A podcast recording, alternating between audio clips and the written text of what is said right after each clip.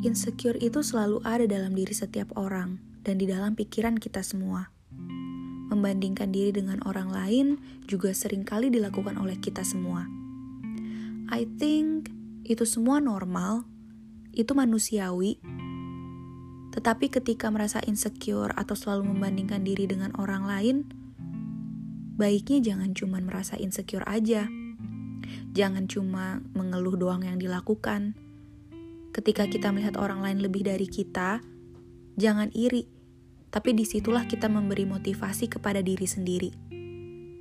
Jangan ketika berada di posisi seperti itu bilangnya, gua kok gini amat ya? Atau, mereka kok bisa gitu ya, sedangkan gue gini-gini aja. Dan masih banyak lagi kalimat-kalimat yang sering terpikirkan apalagi ketika sedang overthinking. Baiknya, katakan seperti ini. Kok mereka bisa kayak gitu ya? Kan orang lain bisa dengan usahanya mereka sendiri. Kalau gue juga berusaha, pasti gue juga bisa kan? Kan sama-sama manusia.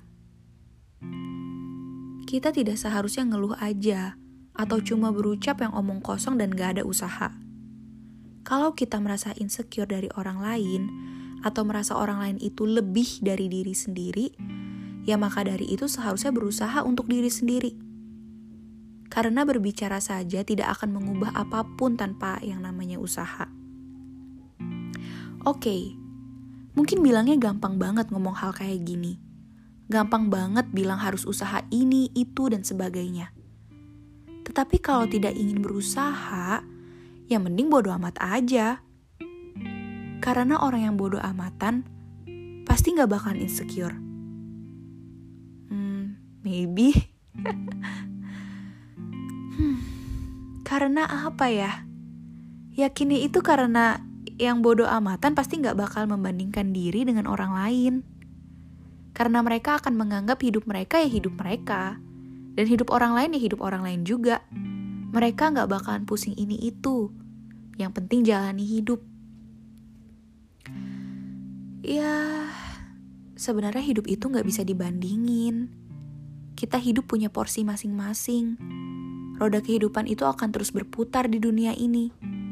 Akan tetapi, jika kita hanya berpikir seperti itu juga dan gak ada usaha apa pun, maka hal apa pun yang ingin kita capai, yang ingin kita dapatkan, yang ingin kita raih, yaitu gak bakalan bisa terwujud.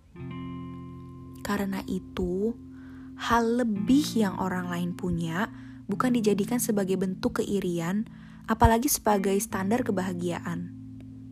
Hal lebih yang orang lain miliki, patutnya hanya kita jadikan motivasi untuk maju, untuk kita lebih berusaha lagi dengan segala hal yang ingin kita capai untuk diri kita sendiri.